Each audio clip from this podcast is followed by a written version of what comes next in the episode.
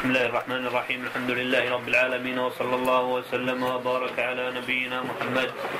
قال رحمه الله وشيخنا والحاضرين ولا ينبغي قضاء الحاجة تحت شجرة مثمرة. والدليل والدليل على كراهة هذا العمل أنه يؤذي الناس الذين يقصدون هذه الشجرة لأكل ثمرها وقد يفسد الثمرة عليه من سقطت على النجاسة. قال ولا ولا يستقبل شمسا ولا قمرا وقد استدل وقد استدل من قال بكراهة استقبالهما بأن هذا من أجل تكريم من أجل تكريمهما.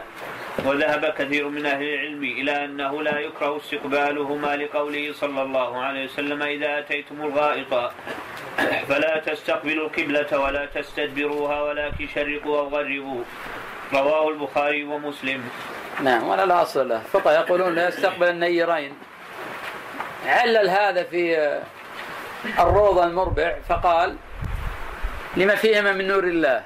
وهذا غلط لا أصل له. الصواب أن يجوز استقبالهما بإجماع الصحابة رضي الله عنهم. لأنه لا يمكن للشخص إلا أن يستقبلهم في حالة من الأحوال. فمثلا أهل نجد قبلتهم المغرب لكن غير أهل نجد قبلتهم الجنوب المدينة ما هي قبلة أهل الجنوب؟ المدينة. نعم. عفى الله عنك. رواه البخاري ومسلم فقوله شرقوا أو غربوا إذن باستقبال الشمس أو استدبارها وهذا هو الأقرب. قال ولا يستقبل القبلة ولا يستدبرها لقوله ولا يستقبل القبلة ولا يستدبرها لقوله لقول رسول الله صلى الله عليه وسلم لا تستقبلوا القبلة بغائط ولا بول ولا تستدبروها. ويجوز ذلك في البنيان لما روى البخاري ومسلم عن عن ابن عمر رضي الله عنهما قال ارتقيت فوق ظهر بيت حفصة لبعض حاجتي فرأيت رسول الله صلى الله عليه وسلم يقضي حاجته مستدبرا القبلة مستقبلا الشام. قال فإذا انقطع.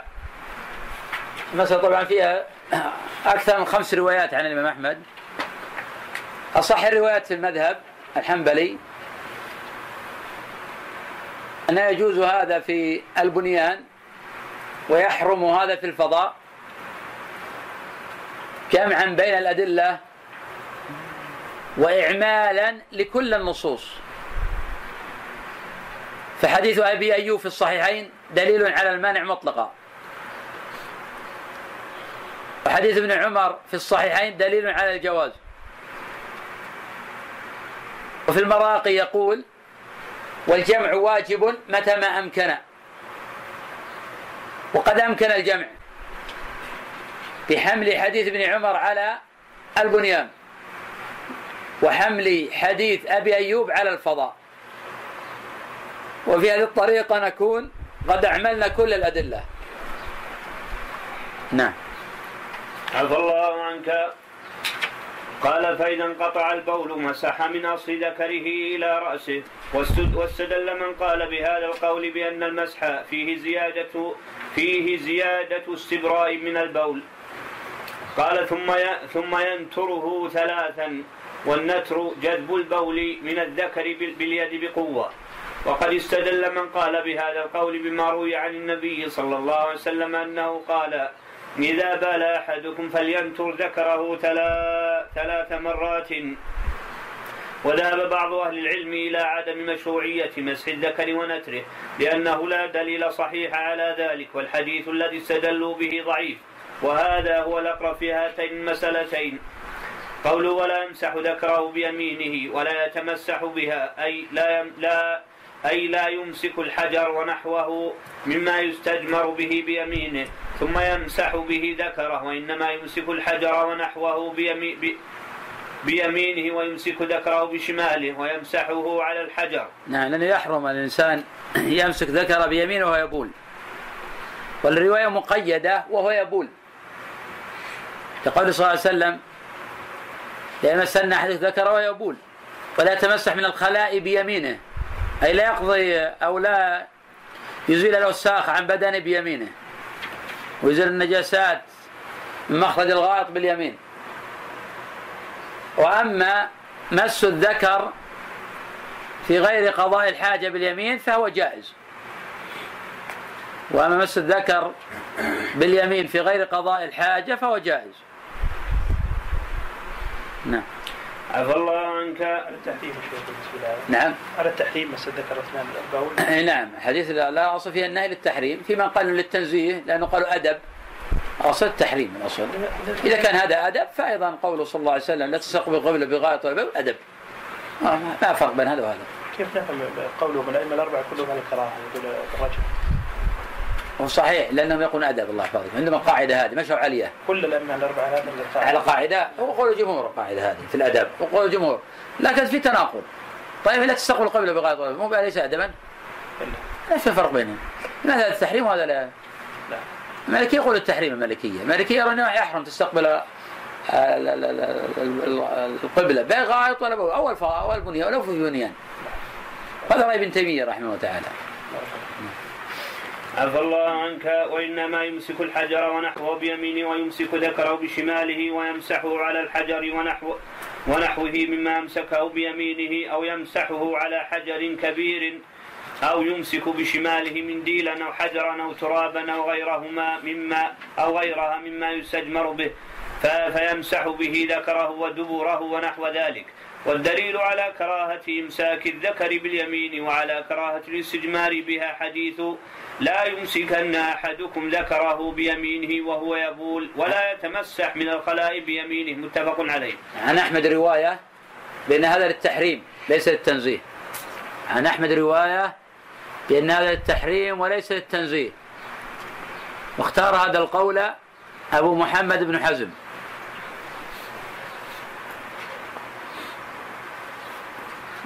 نعم. عفى الله عنك. قال ثم يستجمر وترا والدليل على استحباب الإيتار في الاستجمار ما رواه البخاري ومسلم عن أبي هريرة رضي الله عنه مرفوعا من استجمر فليوتر. ثم يستنجي بالماء والدليل على استحباب هذا الترتيب أنه أكمل تطهيرا. وعليه فإن الأفضل أن يستجمر الإنسان بالمناديل الورقية التي التي انتشرت في هذا العصر عند تيسرها أو بالأحجار أو بغيرها مما يستجمر به ثم يتبعها الماء. قال وإن اقتصر على الاستجمار أجزأه إذا لم تتعدى النجاسة موضع العادة. والدليل على إجزاء الاقتصار على الاستجمار ما ثبت عن عائشة رضي الله عنها مرفوعا. إذا ذهب أحدكم إلى غائط فليذهب معه بثلاثة أحجار يستطيب بها فإنها تجزئ عنه. نعم أخذ أخذ بهذا الرواية ابن حزم وغيره أنه لو استجمر بأقل من ثلاثة فإنها لا تجزئ. والصواب أنها إذا أنقت أجزأت مع التحريم. في حديث سلمان في صحيح الإمام مسلم نهانا الرسول صلى الله عليه وسلم أن نستنجي بأقل من ثلاثة أحجار. إذا النهي للتحريم. فإذا أنقت أجزأت لكن لا يجوز. وإذا آه، أنقت الأربعة ما أنقت ثلاثة يضيف رابعا. ثم إذا أنقت أنقت الأربعة يستحب. استحبابا لا إجابا يضيف خامسا. نعم. أحسن الله إليك. هذا مع إلا بس عندنا نصوص أخرى. نرى أن نستنجي بأقل. العدد له معنى. العدد له معنى. كان بإمكان النبي يقول آه نهر ينهى أن يستنجي الرجل حتى يطهر. وانتهت القضية. فلما حدد النبي العدد إذا له معنى العدد. دائما يا شيخ ال- ال- الحكمة ما تذكر العلة صحيح. وهذا من الأسباب اللي أتمسك بها أنا. أنه العدد له معنى. وذاك استمسك بها كثير من الأعداد. مثل استمسك بما مضى آه، طهرنا إذا ولغ يغسل سبعا. مذهب مالك يقول هذا دليل ليس بنجس. هذا وقلت مذهب مالك قوي جدا. ولا لماذا يذكر النبي عددا؟ كانت العلة النجاسة كان يقول النبي طهروا حتى تزول النجاسة لماذا يذكر النبي عددا؟ فاستمسكنا بهذا العدد. كما نستمسك بالعدد في قول الله جل وعلا فاجلدوه مئة جلدة. فالعدد هنا معتبر. نعم مفهوم العدد هل حجة وغير حجة؟ المسألة الأصولية طول الحديث عنها. إذا أنقت باثنان يا شيخ. نعم. إذا أنقت باثنان لابد يكون الثالث. لا بد يكون الثالث. إذا ما أكمل ويأثم مع الإجزاء خلاف ابن حزم. يقول لا عبادته باطل أو صلاته باطل كل شيء باطل. حديث لا يطهران. نعم. انهما لا يطهران. ضعيف الحديث هذا. إذا كان حجر واحد و... له ثلاث شعاب يكون بمعنى الثلاث عفى الله عنك. ودليل من اشترط أن لا تتعدى النجاسة موضع العادة أن الرخصة باستعمال الحجارة إنما جاءت في المحل المعتاد بالمشقة في غسله لتكرر النجاسة فيه. وذهب بعض أهل العلم إلى أن الاستجمار يجزي ولو تعدى الخارج موضع العادة لعموم الأدلة الدالة على إجزاء الاستجمار وهذا هو الأقرب. ولا يجزئ أقل من ثلاث مسحات منقيات والدليل والدليل على على اشتراط ثلاث مسحات فأكثر. ما رواه مسلم عن سلمان رضي الله عنه. قال قيل له. وفي رواية قال لنا المشركون قد علمكم نبيكم صلى الله عليه وسلم كل شيء حتى الخراء فقال أجل. لقد نهانا أن نستغفر معنى أجل؟ نعم. معنى أجل. هنا. يعني بلى. لا. لو كانت بلى انقلب المعنى. يعني نفي. لا هو بحول بلى أعطاني المرادف لبلى وش المرادف لبلى؟ نعم. نعم. أجل هو معنى نعم. لو قيل بلى تغير المعنى. يعني بلى ما علمنا.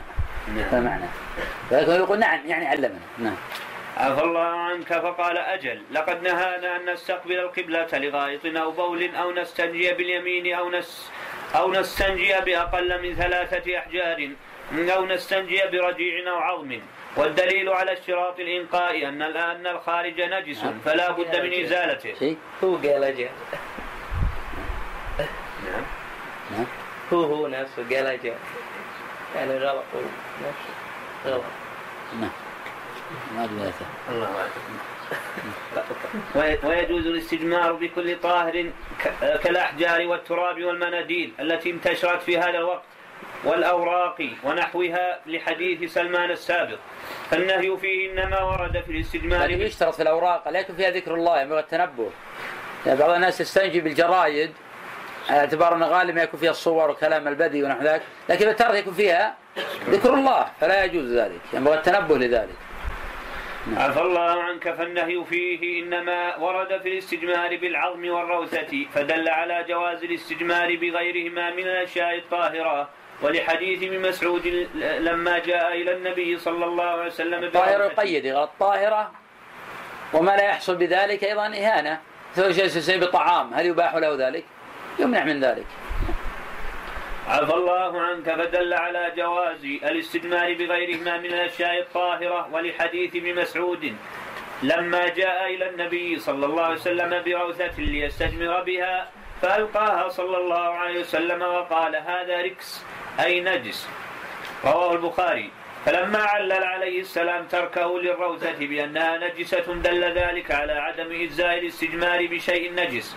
ويشترط في الشيء الطاهر الذي يستجمر به أن يكون مما ينقي المحل وذلك بإزالته للنجاسة عن القبول والدبر. فإذا كان الشيء المستجمر به لا يزيل النجاسة لملوسته أو لدهنية أو لدهنية فيه تمنعه من الإنقاء لم يجوز الاستجمار به. لأن المقصود من الاستجمار إزالته لأن المقصود من الاستجمار إزالة النجاسة وهي لا تحصل بالاستجمار بهذا الشيء فلا يكون الاستجمار به مجزيا. قال إلا الروث فلا يجوز الاستجمار به فروث جميع الحيوانات ورجيعها آه، فروث جميع جميع الحيوانات ورجيعها لا يجوز الاستجمار به. والدليل حديث سلمان السابق. قال وكذا الطعام حديث رويفع مستنجى برجيع دابة أو عظم فإن محمدا بريء منه. عفى الله عنك وكذا العظام. لا يجوز الاستجمار بها والدليل حديث سلمان السابق. وكذا ما له حرمة لا يجوز الاستجمار به. ومن أمثلة ما له حرمة كتب أهل كتب العلم والأوراق التي كتب فيها علم شرعي والمطعومات كالخبز ونحوه. ونحو ذلك. والدليل على تحريم الاستجمار بها أنه إهانة لها وإهانة وإهانة المحترم لا تجوز. قال رحمه رحمك الله بالنسبة شيخ النبي صلى الله عليه وسلم. جمع بين الاستجمار والاستنجاء. بينهما. ما في حديث صحيح في هذا. حديث صحيح ما فيه إلا حديث عند عمر بن شبة. عنده مشبه من رواية عاصم الأحول عن رجل من الأنصار. اختلف في رجل من الأنصار هذا هل هو صحابي أو تابعي؟ هذا أصح حديث ورد في الباب؟ عند عمر بن شبه في التاريخ. كيف يقول الأفضل؟ الأفضل أن يتبعه. الأفضل أن يقول الجمهور. ويقال أن الآية نزلت الله بالتوابع حتى الضعيف الذي يجمعون بينهما لكن ما ثبت في شيء. من أول نعم. قال رحمه الله تعالى باب الوضوء. قال لا يصح الوضوء ولا غيره من العبادات إلا أن ينويه لقول رسول الله صلى الله عليه وسلم إنما الأعمال بالنيات وإنما لكل امرئ ما نوى. ثم يقول بسم الله والدليل ما روي عن أبي سعيد عن النبي صلى الله عليه وسلم قال لا وضوء لمن لم يذكر اسم الله عليه. ويستحب أن يغسل كفيه ثلاثا لما, لما روى حمران أن عثمان بن عفان رضي الله عنه دعا بوضوء فتوضأ. فغسل كفيه ثلاث مرات ثم مضمض واستنثر ثم غسل وجهه ثلاث مرات ثم غسل يده اليمنى إلى المرفق ثلاث مرات ثم غسل يده اليسرى مثل ذلك ثم مسح رأسه ثم غسل رجله اليمنى إلى الكعبين ثلاث مرات. ثم غسل اليسرى مثل ذلك ثم قال رأيت رسول الله صلى الله عليه وسلم نتوضأ نحو وضوء, وضوء هذا متفق عليه. يصح الوضوء بالنية ستوضأ غافل. هذه لما فرغ قد توضأ. ما نوى؟ لا يصح. غافل. فرغ من شروط الصلاة ما من شروط الوضوء النية. إيش دائما شروط الوضوء النية؟ في السبب؟ لماذا؟ أما الأعمال بالنية. لأن العبادة يعني. عمل قربة لا يصح إلا بنية نعم. صحيح. طيب مثلا عليه غسل جنابه واستيقظ ونسي وغسل اغتسل التبرد ثم صلى الظهر. ماذا نقول عن غسله؟ نعم. نعم؟ ما أدري لماذا؟ لم ينم لم ينوي. طيب ماذا يقول عن صلاة الظهر؟ ما تقبل. لأنه صلى على غير وضوء. نعم صحيح. عفى الله عنك. قال ثم يتمضمض ثلاثا استحبابا والواجب عند من قال بوجوب المضمضة مرة واحدة والمضمضة هي تحريك الماء في الفم. قال ويستنشق ثلاثا أي استحبابا والو- والواجب واحدة والاستنشاق إدخال الماء في الأنف ويعقبه أي ويعقبه الاست- الاستنثار وهو إخراج الماء الذي استنشقه فيخرجه بنفس الأنف. قال يجمع بينهما بغرفة أي يجمع المضمضة ثلاثا والاستنشاق ثلاثا في غرفة واحدة. وذلك بأن يتمضمض ثم يستنشق ثم يتمضمض ثم يستنشق ثم يتمضمض ثم يستنشق. يجمع كل هذه الستة يجمع كل هذه الستة في غرفة واحدة. يجمع كل هذه الست في غرفة واحدة. وقد استدل من قال بمشروعية هذه الصفة برواية الحديث برواية لحديث عبد الله بن زيد في صفة وضوء النبي صلى الله عليه وسلم ولفظها فمضمض واستنثر ثلاث مرات من غرفة واحدة. وذهب بعض أهل العلم إلى أن الأقرب في معنى هذه الرواية ثلاث مرات كل مرة من غرفة. وهذا هو الأقرب لموافقة للموافقة للرواية الآتية.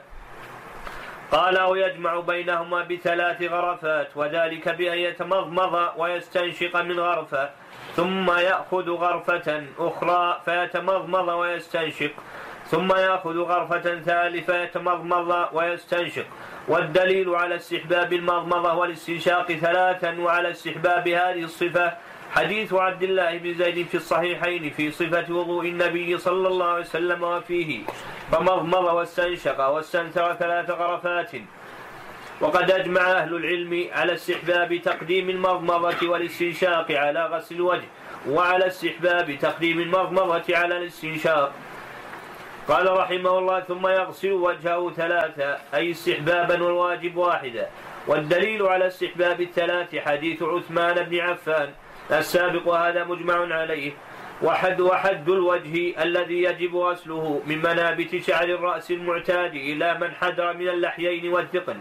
طولا. وحد الوجه عرضا إلى أصول الأذنين أي من الأذن إلى الأذن. والدليل على هاتين المسألتين إجماع أهل العلم على ذلك. قال ويستحب أن يخلل لحيته إن كانت كثيفة والتخليل هو إدخال أصابع اليدين وهي وهي مبللة بالماء في وسط شعر اللحية. والدليل على استحباب التخليل ما رواه الترمذي وغيره عن عثمان بن عفان رضي الله عنه أن النبي صلى الله عليه وسلم كان يخلل لحيته. وهذا الحكم أجمع عليه عامة أهل العلم. تخليل أولا لم يثبت به حديث عن النبي صلى الله عليه وسلم. ثانيا حكم التخليل مختلف فيه. ليس فيه اتفاق. والذين ذهبوا إليه طائفة يضعفون الأحاديث المرفوعة. ويحتجون بعمل الصحابة. والطائفة لا يرون التخليل أصلا. وأنه يغسل ما ظهر من اللحية تبعا لغسل الوجه. وما عدا ذلك فيسقط عنه. ثم إن الذين يقولون بالتخليل لا يقولون بالإيجاب. إنما يستحبون ذلك. والاستحباب حكم شرعي لا بد له من دليل. والأدلة المرفوعة كلها ضعيفة. وإنما يستأنس بعمل الصحابة رضي الله عنهم. اللحية نوعان. النوع الأول أن تكون اللحية خفيفة. تبدو البشرة من خلالها. فهذه يجب غسلها تبعا لغسل الوجه. ويجب توصيل الماء إلى البشرة. النوع الثاني لحية كثة. فهذه يجب غسل ظاهرها تبعا لغسل الوجه. ولا يجب غسل باطنها. وإنما اختلف في استحباب التخليل. وصفة التخليل على القول به أن تفرج بين الأصابع وأن تدخلها من تحت الحنك. لتبلل بالأصابع اللحية. نعم. عفى الله عنك وإن كانت تصف البشرة وإن كانت تصف البشرة لزمه غسلها والبشرة هي ظاهر جلد الإنسان فإذا كانت اللحية خفيفة يرى من ورائها بشرة الوجه. يرى من ورائها بشرة الوجه التي تحتها وجب غسل البشرة ويغسل شعر اللحية الذي فوقها تبعا لها والدليل على وجوب غسل البشرة التي تحت اللحية الخفيفة أن هذه البشرة في هذه في هذه الحال ظاهرة وهي جزء من الوجه فيجب غسلها كبقية بشرة الوجه التي لا شعر عليها. قال ثم يغسل يديه إلى المرفقين ثلاثا استحبابا والواجب واحدة والدليل على استحباب غسل غسلهما ثلاث غسلات. حديث عثمان السابق وهذا مجمع عليه. ويدخلهما في الغسل أي يجب أن يغسل المرفقين عند غسل اليدين فيدخلهما في غسل اليدين. والدليل على وجوب غسل المرفقين ما رواه نعيم مجمل. قال رأيت عفوا قال رأيت أبا هريرة يتوضأ فغسل وجه وجهه فأسبغ الوضوء ثم غسل يده اليمنى حتى أشرع في العضد ثم يده اليسرى حتى أشرع في العضد ثم مسح رأسه ثم غسل رجله اليمنى حتى أشرع في الساق ثم غسل رجله اليسرى حتى أشرع في الساق ثم قال هكذا رأيت رسول الله صلى الله عليه وسلم يتوضأ رواه مسلم وغسل المرفقين مجمع عليه. قال ثم يمسح رأسه مرة واحدة وجوبا والدليل غسل المرفقين مجمع عليه؟ هذا لا إشكال فيه؟ الكلام إدخال المرفقين هو اللي في خلاف. أبو حنيفة ما يرى وجوب ذلك. ولكن الصحيح وجوب إدخال المرفقين.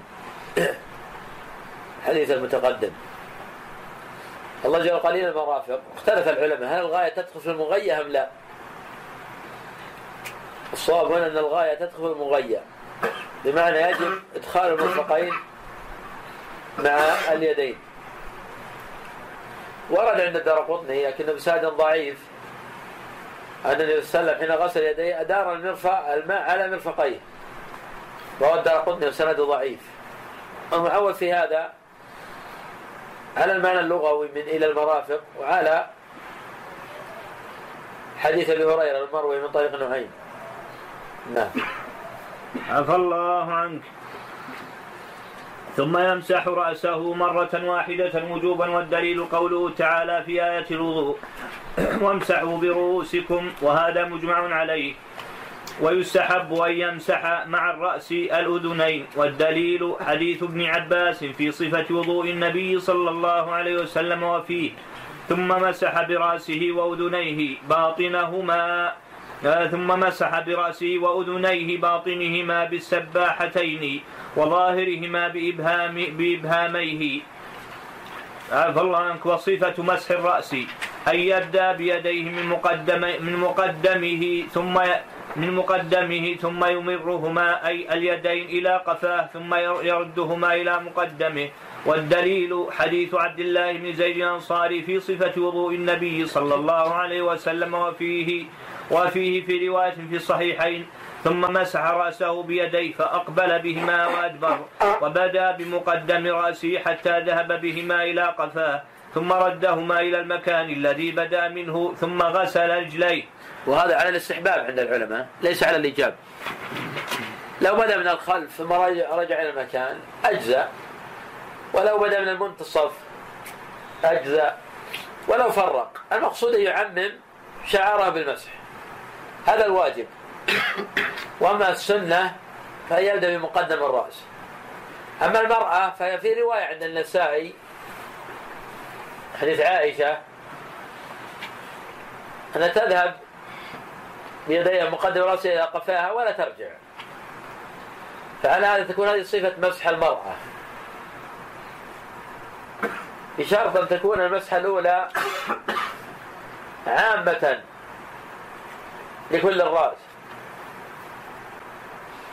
بعض النساء قد تكون أصلحت شعرها تقصد رجعت تفله فتقصر في المسح وهذا غلط. بإمكانها أن تضع كل مسحها من الأمام إلى الخلف ولا يأثر على إصلاح الشعر. لأن المقصود هو إبلاغ الماء إلى جميع الشعر. وليس المقصود الهيئة إنما الهيئة سنة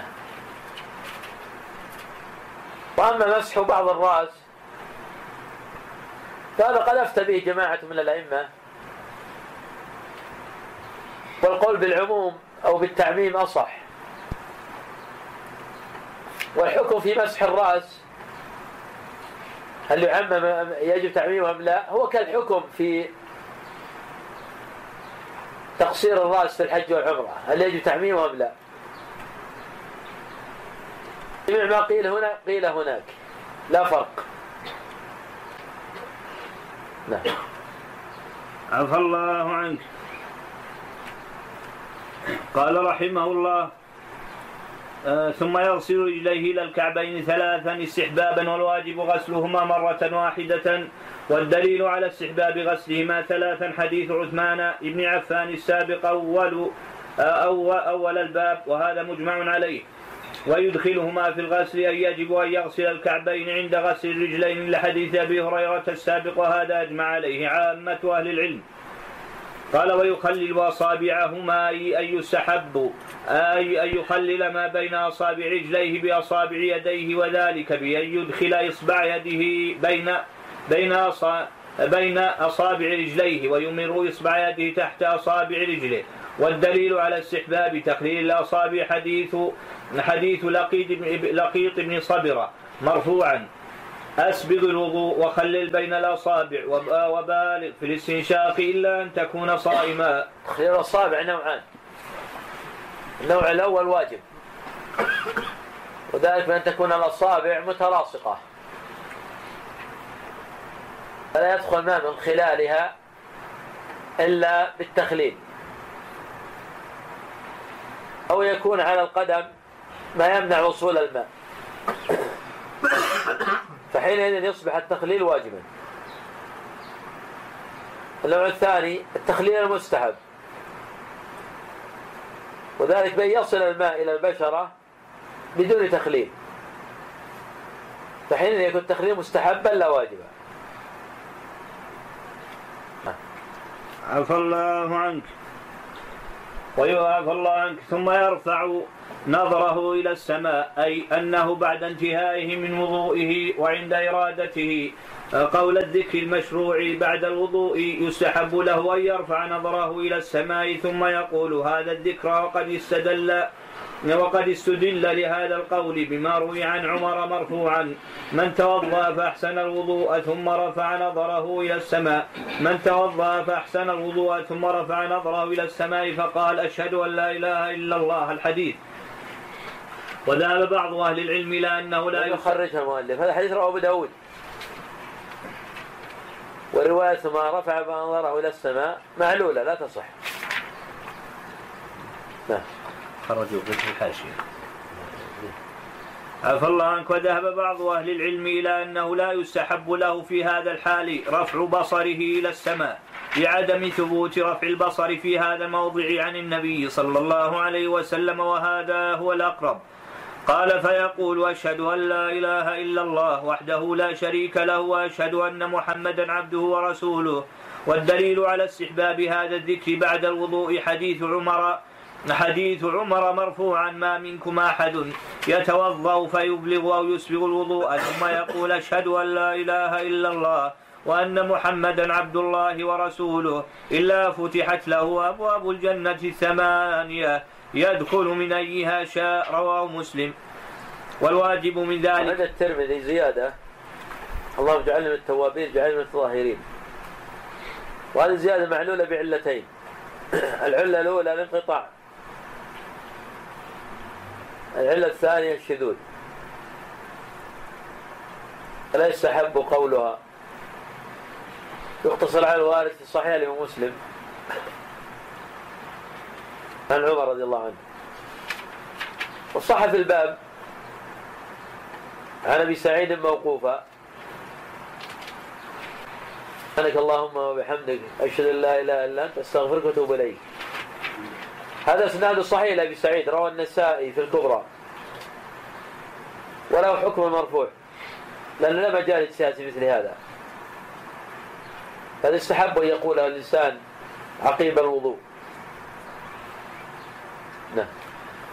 عفى الله عنك والواجب من ذلك أي الذي يجب جميع ما تقدم ذكره في صفة الوضوء النية وقد سبق ذكر الدليل على وجوبها في أول هذا الباب.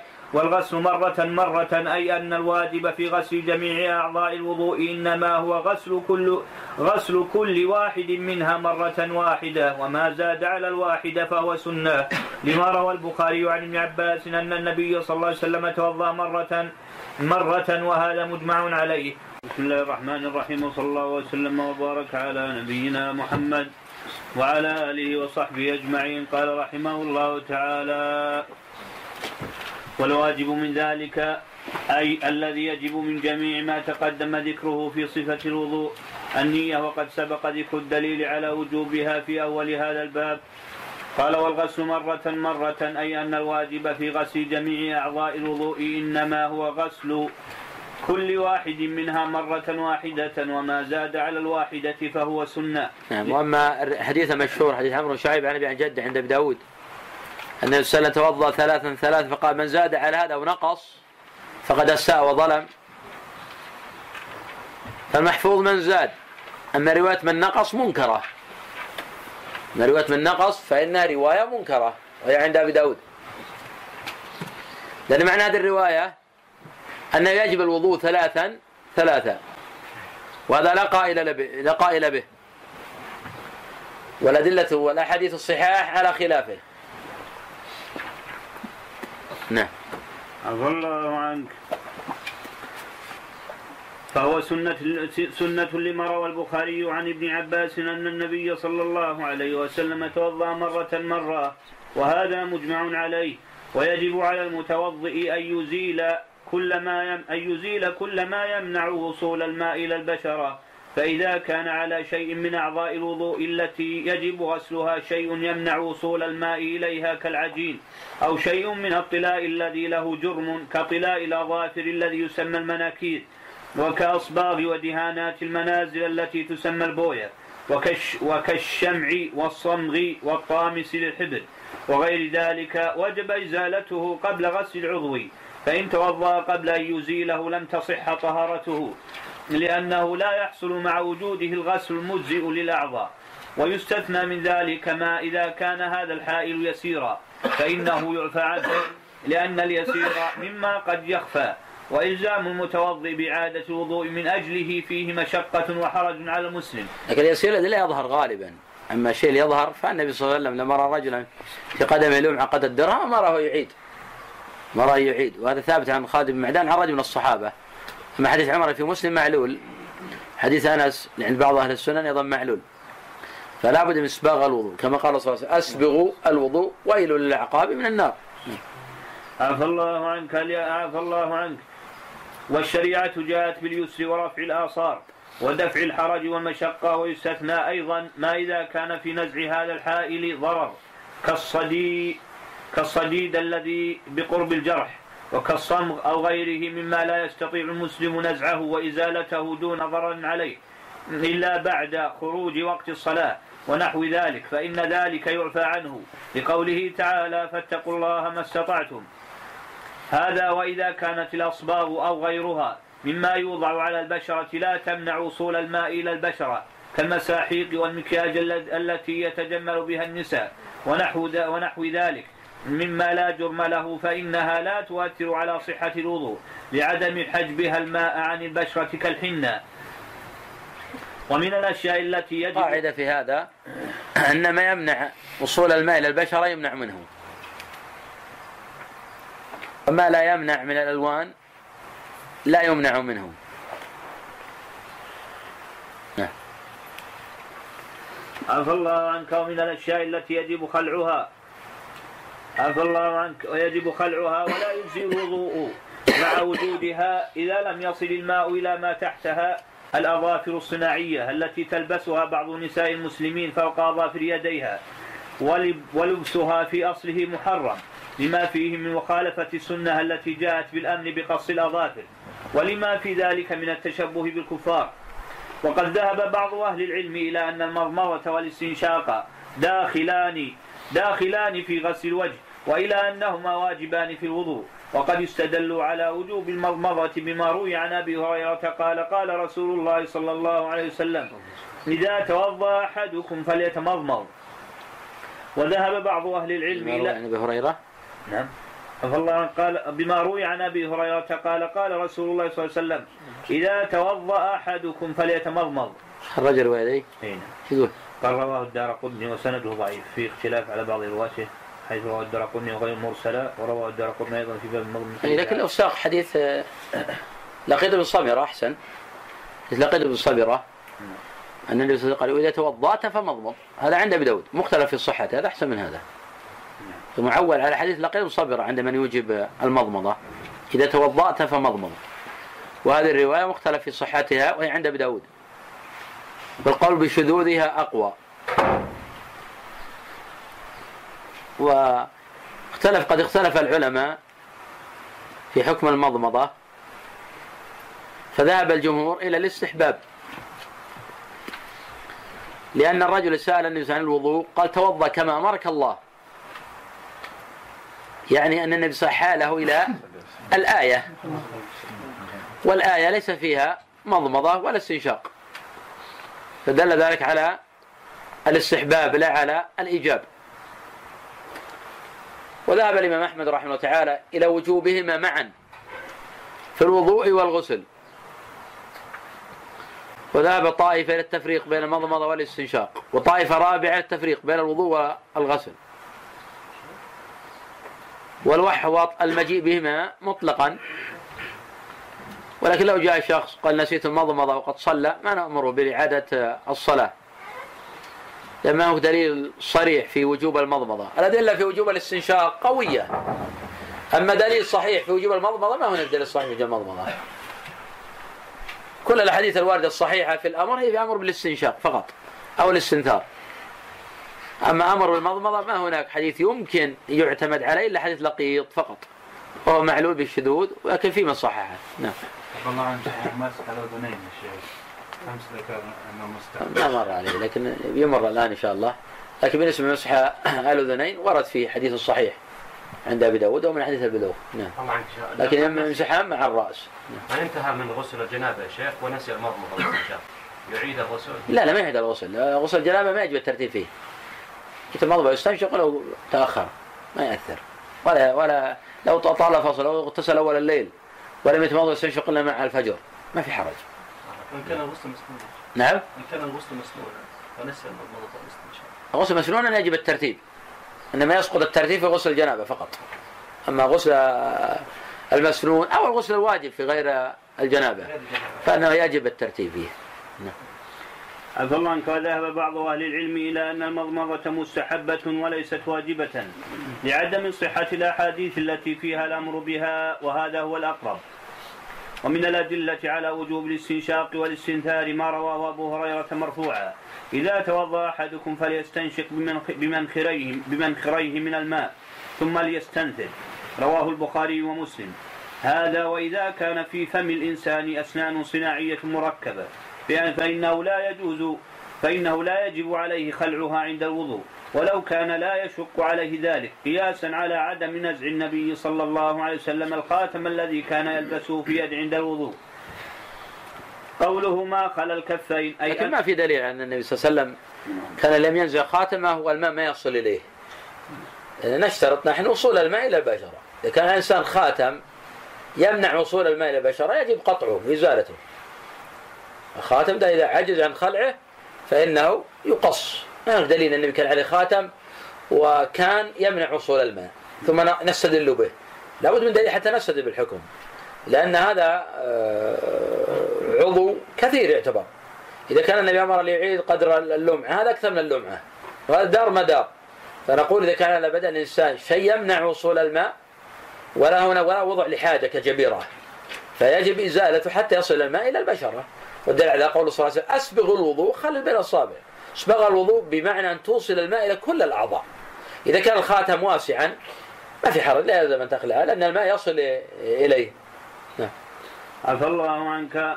قال ما خلا الكفين؟ أي أنه يستثنى من الأعضاء التي سبق أنها تغسل في الوضوء. غسل الكفين عند البدء في الوضوء فإن غسلهما في هذا الموضع سنة وهذا مجمع عليه. السنة إلا في قيام من الليل إلا في القيام من النوم. ليلا أو نهارا إذا أراد الوضوء. فالصحيح وجوب غسلهما. قبل أن يدخلهما في الإناء. أما إذا لم يرد إدخالهما في الإناء فإن هذا على الاستحباب. نعم. عفى الله عنك. وقد سبق الدليل على ذلك من السنة في أول الباب. بسم الله الرحمن الرحيم. الحمد لله رب العالمين وصلى الله وسلم وبارك على نبينا محمد وعلى آله وصحبه أجمعين. قال رحمه الله وشيخنا والحاضرين ومن الأمور الواجبة مما سبق مسح الرأس كله مسح الرأس كله وقد سبق ذكر الدليل ذكر, الدليل على مسح الرأس على وجه العموم. أما دليل تعميم الرأس بالمسح فهو قوله تعالى في آية الوضوء وامسحوا برؤوسكم فأمر تعالى بمسح الرأس ولا يحصل الامتثال إلا بمسحه كله كما في غسل الوجه واليدين والرجلين والمسح في التيمم. هذا وإذا كان شعر الرأس أو اللحية لأن الباء هنا للإلصاق وهذا قول أكثر أهل اللغة. ومن يفسر أن الباء للإلصاق هنا حديث عبد الله بن زيد المتقدم في الصحيحين. بدأ بمقدم رأسه حتى ذهب بهم إلى قفاه ثم رجع إلى المكان الذي بدأ منه. فكان هذا دليلا على وجوب تعميم الرأس بالمسح. كذلك قلنا فيما مضى أن تقصير الرأس في الحج والعمرة مصورة على هذه المسألة. فعلى هذا يجب تعميم الرأس بالتقصير في الحج والعمرة. والذين يقفون عند المروة يقصرون من أطراف الشعر من أمام ومن خلف. هذا لا يصح.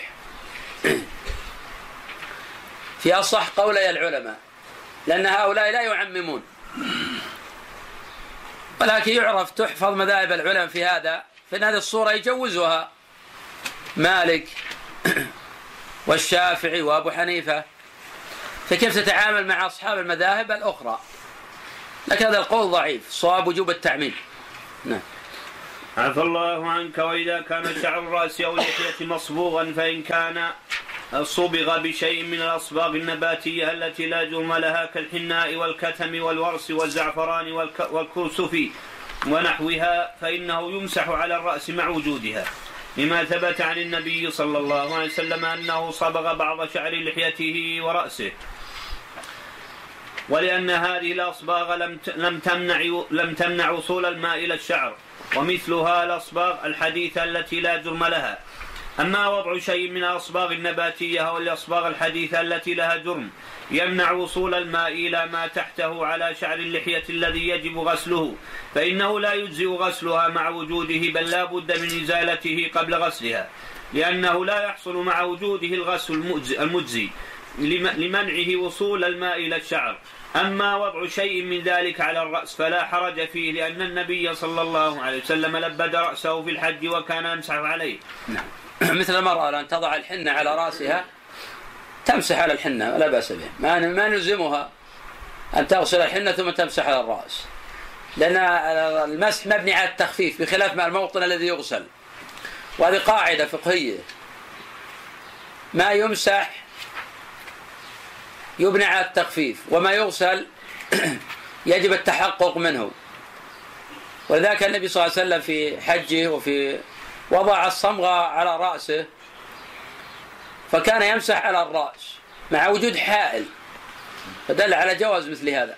نعم. عفى الله عنك. فلا حرج فيه لأن النبي صلى الله عليه وسلم لبد رأسه في الحج وكان يمسح عليه. ومما ينبغي التنبه له أن ما يفعله بعض النساء وبعض الرجال من وضع الشعر الصناعي المسمى بالباروكة على رؤوسهم من أجل الصلع أو أو للتجمل لا يجزي المسح علي عليه لأن الواجب مسح رأس المتوضئ للآية السابقة ولبس هذا الشعر في أصله محرم لأنه يدخل في وصف الشعر المنهي عنه فلا يجوز منه إلا ما كان لحاجة ماسة كستر عيب صلع الزوجة أمام زوجها. هذا يجوز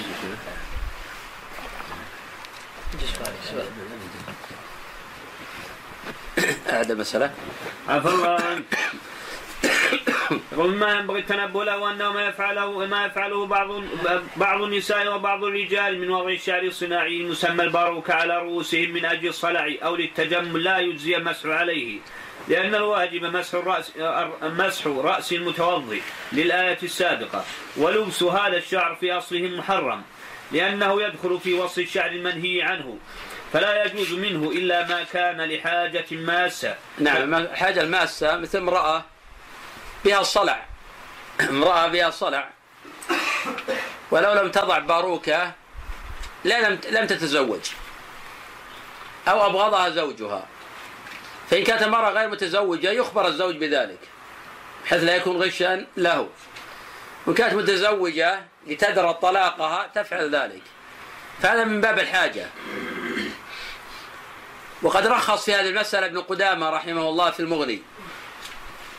ورخص غيره من الأئمة في هذه الصورة. لكن لا يجوز لها المسح عليها. لأن هذا يعتبر بمنزلة الحائل. لأن هذا يعتبر بمنزلة الحائل. ولا يجوز المسح على حائل. قدم بالأمس أيضا الحديث عن الأظفار الصناعية أنها محرمة ولا تجوز. لأن الإسلام أصلا يأمر بقص الأظافر. مع ما في ذلك من التشبه بالكفار. نعم. أحسن الله شيخ. لا يا شيخ زراعة الشعر. الشعر المزروع هل يجوز المسح عليه؟ نعم الشعر المزروع يمسح عليه لأنه لا يمكن نزعه أصلا. فهو تابع لأصل الرأس هذا. وقد نبت لكنه زرع ثم نبت. فهو تابع لأصل الرأس هذا ما, ما في مانع قريب من السؤال شيخ بعض عيادات التجميل الآن تخيط خياطة الشعر مو بس- مثل الباروكة ولا هو مثل الشعر المزروع. لكن تابع لأصل الرأس. اي خاف خلاص ياخذ هذا تبعا. هذا يخلع له هذا بمنزلة يضع شح إحنا أنا هنا؟ هل يمسح على غدره؟ بمنزله الباروكه بالضبط هذه يخت الباروكه يعني. أنت مثل ما تضع امرأة خرقة. الطاقيه تمسح الطاقيه ما تمسح الطاقيه نعم. صلى الله عليك المرأة التي استأذنت النبي صلى الله عليه وسلم. بأن تضع شعرا أن تصل هذه. الوصل. أي الوصل محرم ولا يجوز. حتى لو كان ستر عيب. نعم. أقول حتى ولو كان ستر لعيب. حتى لو كسرت العيب لأن النبي صلى الله عليه وسلم منعها. مع أن الحديث اللي ورد في الصحيحين قالت المرأة انها تريد الزواج. نعم. فمنعها النبي صلى الله عليه وسلم. ألا يقاس عليه هذه المسألة؟ نعم. أقول ألا يقاس عليه هذه المسألة؟ نعم. هذه المسألة إحنا قيدناه قلنا إذا كان يترتب عليه طلاق أو فراق. وتلك المسألة ما يترتب عليه لا طلاق ولا فراق. هذا الأمر الأول. الأمر الثاني في من قال كابن قدامة على هذا الحديث في الصحيحين؟ نعم. قال هذا لأنه لم يعلم الزوج به. يعني صار في نوع غش. فكان التحريم لأجل الغش. إيش الفرق يا شيخ بين الباروكة نعم. وبين الصورة هذه؟ وجه الصوت. باروكه وزي- ووصال الشعر وش كله محرم. البروك وصل الشعر. هل في شيء حلال؟ كله حرام. لكن الرخص للضرورة فقط. حتى تدري المرأة عن نفسها الطلاق لا غير. عفى عنك وقريب من الباروكة وصل أهداب العين بشعر طبيعي أو صناعي يزيدها طولا. فهذا العمل محرم لأنه نوع من الوصل وإن كان يمنع وصول الماء إلى بعض أهداب العين فإن الوضوء مع وجوده يخل بالوضوء. هذا وإذا كان شعر المرأة ملفوفا. لكن بعض العلماء يرى أنه مثل الحجاب إذا دخل الماء للبشرة يجزي. الشعر غير لازم. وهذا غير بعيد يقال هو الصواب. ما له علاقة بالنسبة للماء. نحن نمنعه من حكم شرعي هذه مسألة أخرى. لكن كمنع يصل إلى الماء هذه ما عليه دليل. ما عليه دليل أنه يجب على الرجل يغسل الشعر. الذي أوجب الله عليه أن يغسل البشرة. وإذا وصل الماء للبشرة ما يضر إلا يصل الماء للشعر. نعم. عفى الله عنك. هذا وإذا كان شعر المرأة ملفوفا كما يفعله كثير من النساء في هذا العصر. فإنه يجزي المسح عليه ولا يجب أن يكون نازلا. لكن ينبغي لها, لها أن تجتنب ما يفعله بعض النساء من لف الشعر فوق هامة الرأس. لأنه يخشى أن يكون داخلا في حديث ونساء ونساء كاسيات عاريات. رؤوسهن كأسنمة البخت المائلة. لا يدخلن الجنة ولا يجدن ريحها. قال ومن الأمور الواجبة أيضا في الوضوء ترتيب الوضوء على ما ذكرنا والدليل على وجوبه أن الله تعالى ذكر في آية الوضوء السابقة الممسوح وهو الرأس بين المغسولات ومن أهم فوائده الترتيب فدل ذلك على وجوبه. نعم وهذا الصواب. الصواب أن يجب الترتيب. خلافا لأبي حنيفة الذي يفتي بجواز الوضوء منكسا فلو بدا بالرجلين ثم باليدين ثم بالوجه ثم بالرأس أجزأه. واستدل بروايات وردت عند أبي داود. من حديث الربيع بنت معوذ وكلها معلولة لا يصح من ذلك شيء. كلها حديث معلولة ومضطربة. اضطرب فيها عبد الله بن محمد بن عقيل. والصواب أن الترتيب واجب. لأن كل من وصف وضوء النبي صلى الله عليه وسلم ذكره مرتبا. ولم يثبت عن النبي صلى الله عليه وسلم حديث أنه خلى بالترتيب. ولأن الله جل وعلا ذكر الترتيب مرتبا أيضا. يا أيها الذين آمنوا إذا قمتم إلى الصلاة فاغسلوا وجوهكم. ولأنه كما ذكر المؤلف الله ذكر الممسوح بين مغسولين. العرب لا تقطع النظير عن نظيره هذا مضطرد في لغتها. فإذا قطعت النظير عن نظيره يكون هذا لفائدة.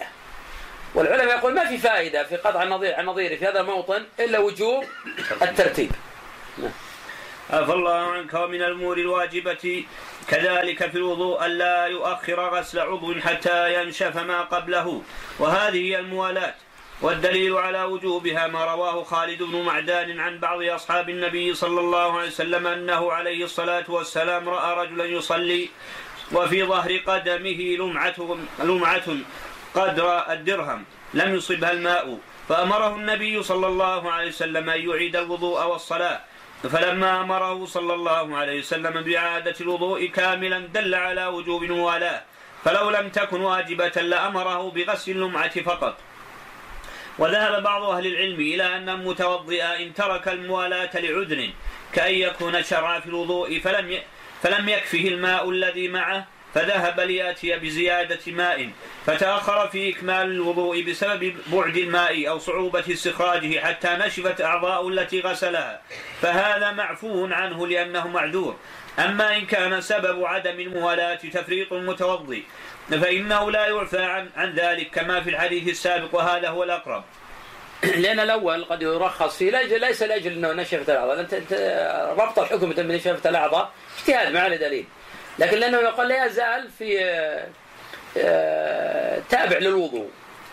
كما أن الملأ إذا كان آه، الصنبور لا يعطي دفعات إلا يسيرة. فأنت تتوضأ تحتاج إلى فترة تجمع الماء بيديك. ما يمكن تصل إلى مسح الرأس إذا كل شيء ناشف. وأنت فيه لا تزال آه، تمارس الوضوء. فالذي يذهب يطلب الماء هو يزال تابعا أصلا. فهو كما قال العلماء إلا ما كان مشتغلا بشرطه. وهذا يعتبر مشتغلا بشرطه مشتغلا بتحصيله مشتغلا بوجوبه فلا يمنع من ذلك. مع أن هذه مسألة خلافية بين العلماء. لعمر له قول في المسألة لكن الصحيح أنه يجب أيضا آه، الموالاة. لأن النبي صلى الله عليه وسلم الرجل إذا رأى لمعة ما قال اذهب فأصلح لمعتك اذهب فأحسن الوضوء. فكانه أمر بإعادة الوضوء. فدل ذلك على أنه لابد من الموالاة. بسم الله الرحمن الرحيم. الحمد لله رب العالمين وصلى الله وسلم وبارك على نبينا محمد وعلى آله وصحبه أجمعين قال رحمه الله تعالى وشيخنا والحاضرين والمسنون في الوضوء التسمية والدليل ما روي عن أبي هريرة مرفوعا كل كلام أو أمر ذي بال لا يبدأ فيه بذكر الله فهو أبتر. يعني هذا الحديث معلول ولا يصح إلا مرسلا. كما أشار إلى ذلك أبو داود والنسائي. وما الحديث الآخر؟ كل أمر ذي بال لا يبدأ ببسم الله الرحمن الرحيم فوقطع. فهذا منكر جدا. رواه الرهاوي في الأربعين والخطيب في الجامع. والسبكي في طبقات الشافعية وهو خبر منكر جدا. فرد به ابن الجندي وهو متهم فيه. نعم. عفى الله عنك ومن سنن الوضوء غسل الكفين. أي غسلهما عند البدء في الوضوء وقد سبق ذكر الدليل على ذلك من السنة في أول الباب. تقدم أيضا بيان أنه يجب غسلهما في الوضوء إذا كان قد قام من الليل قبل أن يدخلهما في الإناء. وأنه إذا لم يرد إدخالهما في الإناء كان يتوضؤون من الصنابير لا يجب غسلها ثلاثة لأنه ما أدخلها في الإناء. عفى الله عنك ومر قريبا بيان أن هذا الحكم أجمع أجمع عليه عامة أهل العلم. ومن سنن الوضوء المبالغة في المضمضة وذلك بإدارة الماء في أقاصي الفم. ومن سنن الوضوء المبالغة في الاستنشاق وذلك باجتذاب الماء بالنفس إلى قاص الأنف. إلا أن يكون صائما فلا تستحب المبالغة في المضمضة والاستنشاق حينئذ بل تكره. والدليل على هذه المسائل الثلاث حديث لقيط ابن, ابن صبرة أسبغ الوضوء وخلل بين الأصابع وبالغ في الاستنشاق إلا أن تكون صائما. فقد نص على على الاستنشاق والمضمضة مقيسة عليه. وهذا كله مجمع عليه بين عامة أهل العلم. قال ومن سنن الوضوء تخليل اللحية. وقد سبق تعريف التخليل والدليل على هذا الحكم في صفة الوضوء. وقد تقدم أنه لا يصح حديث عن السلف في التخليل كل الأحاديث الواردة عن التخليل كلها معلولة. وأن هذا وارد عن جماعة من الصحابة قسم التخليل قسمين. قسم يجب أصلا غسل اللحية مع الوجه وهي اللحية الخفيفة يجب غسلها مع الوجه.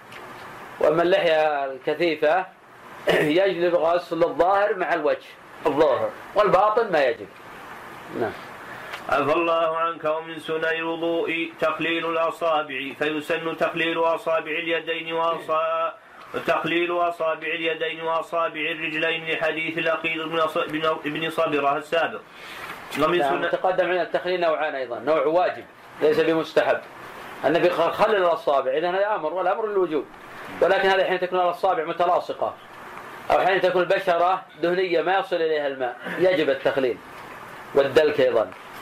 وأما إذا كانت الاصابع آه، منفتحة والماء يستيقن الإنسان يصل إليها يكون مستحب.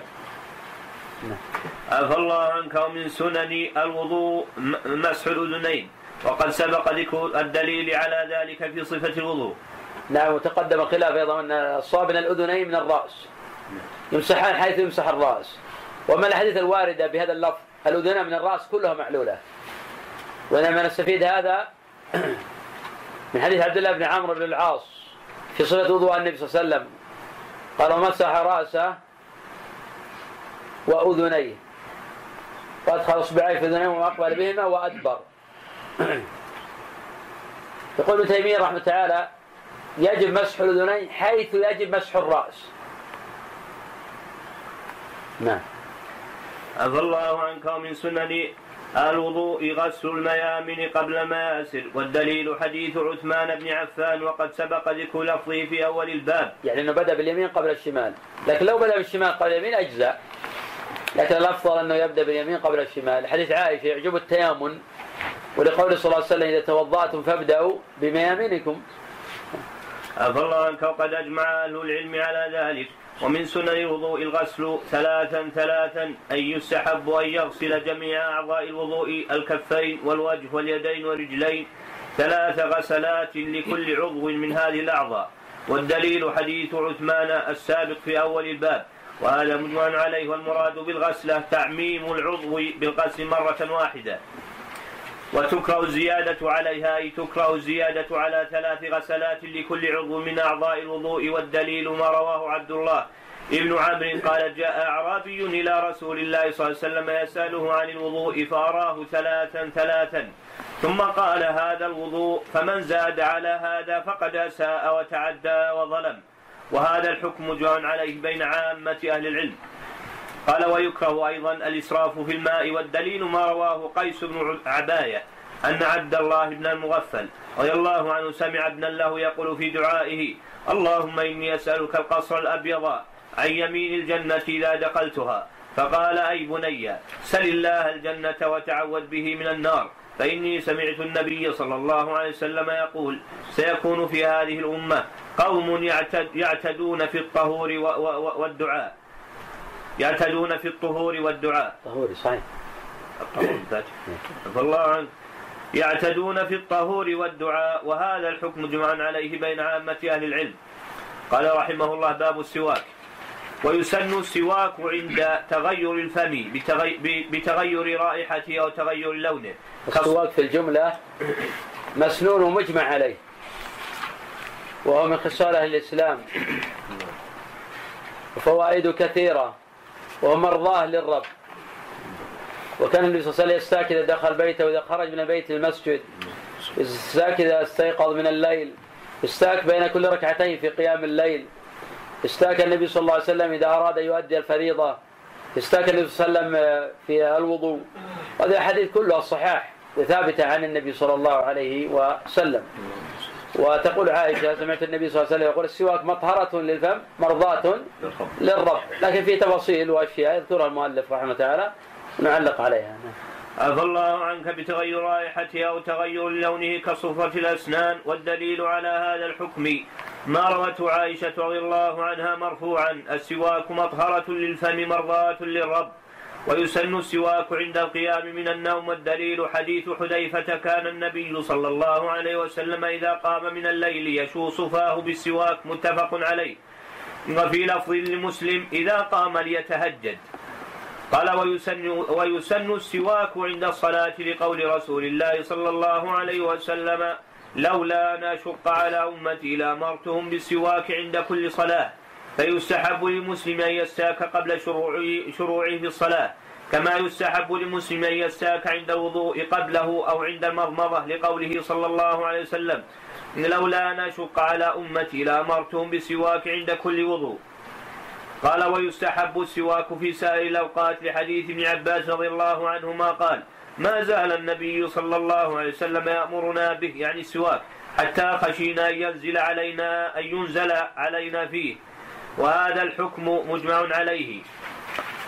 قال إلا لصائم بعد الزوال فلا يستحب له استعمال السواك لما روي عن خباب مرفوعا.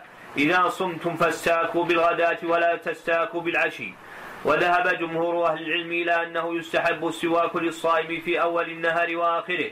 واستدلوا بالأدلة العامة المطلقة. كحديث لولا أن أشق على أمتي لأمرتهم بالسواك عند كل صلاة. وكحديث السواك مطهرة للفم مرضاة للرب. فهي تشمل جميع الأوقات بما في ذلك ما بعد الزوال للصائم ولغيره وهذا هو الأقرب. والأفضل أن يكون الاستياك بعود أراك لأن في الاستياك به فوائد كثيرة. وإن, وإن استاك بغيره من الأعواد المناسبة أو بمناديل نظيفة أو بالفرشاة والمعجون أو بغير ذلك مما ينظف الأسنان والفم فحسن. لأنه يحصل التنظيف بذلك والله أعلم.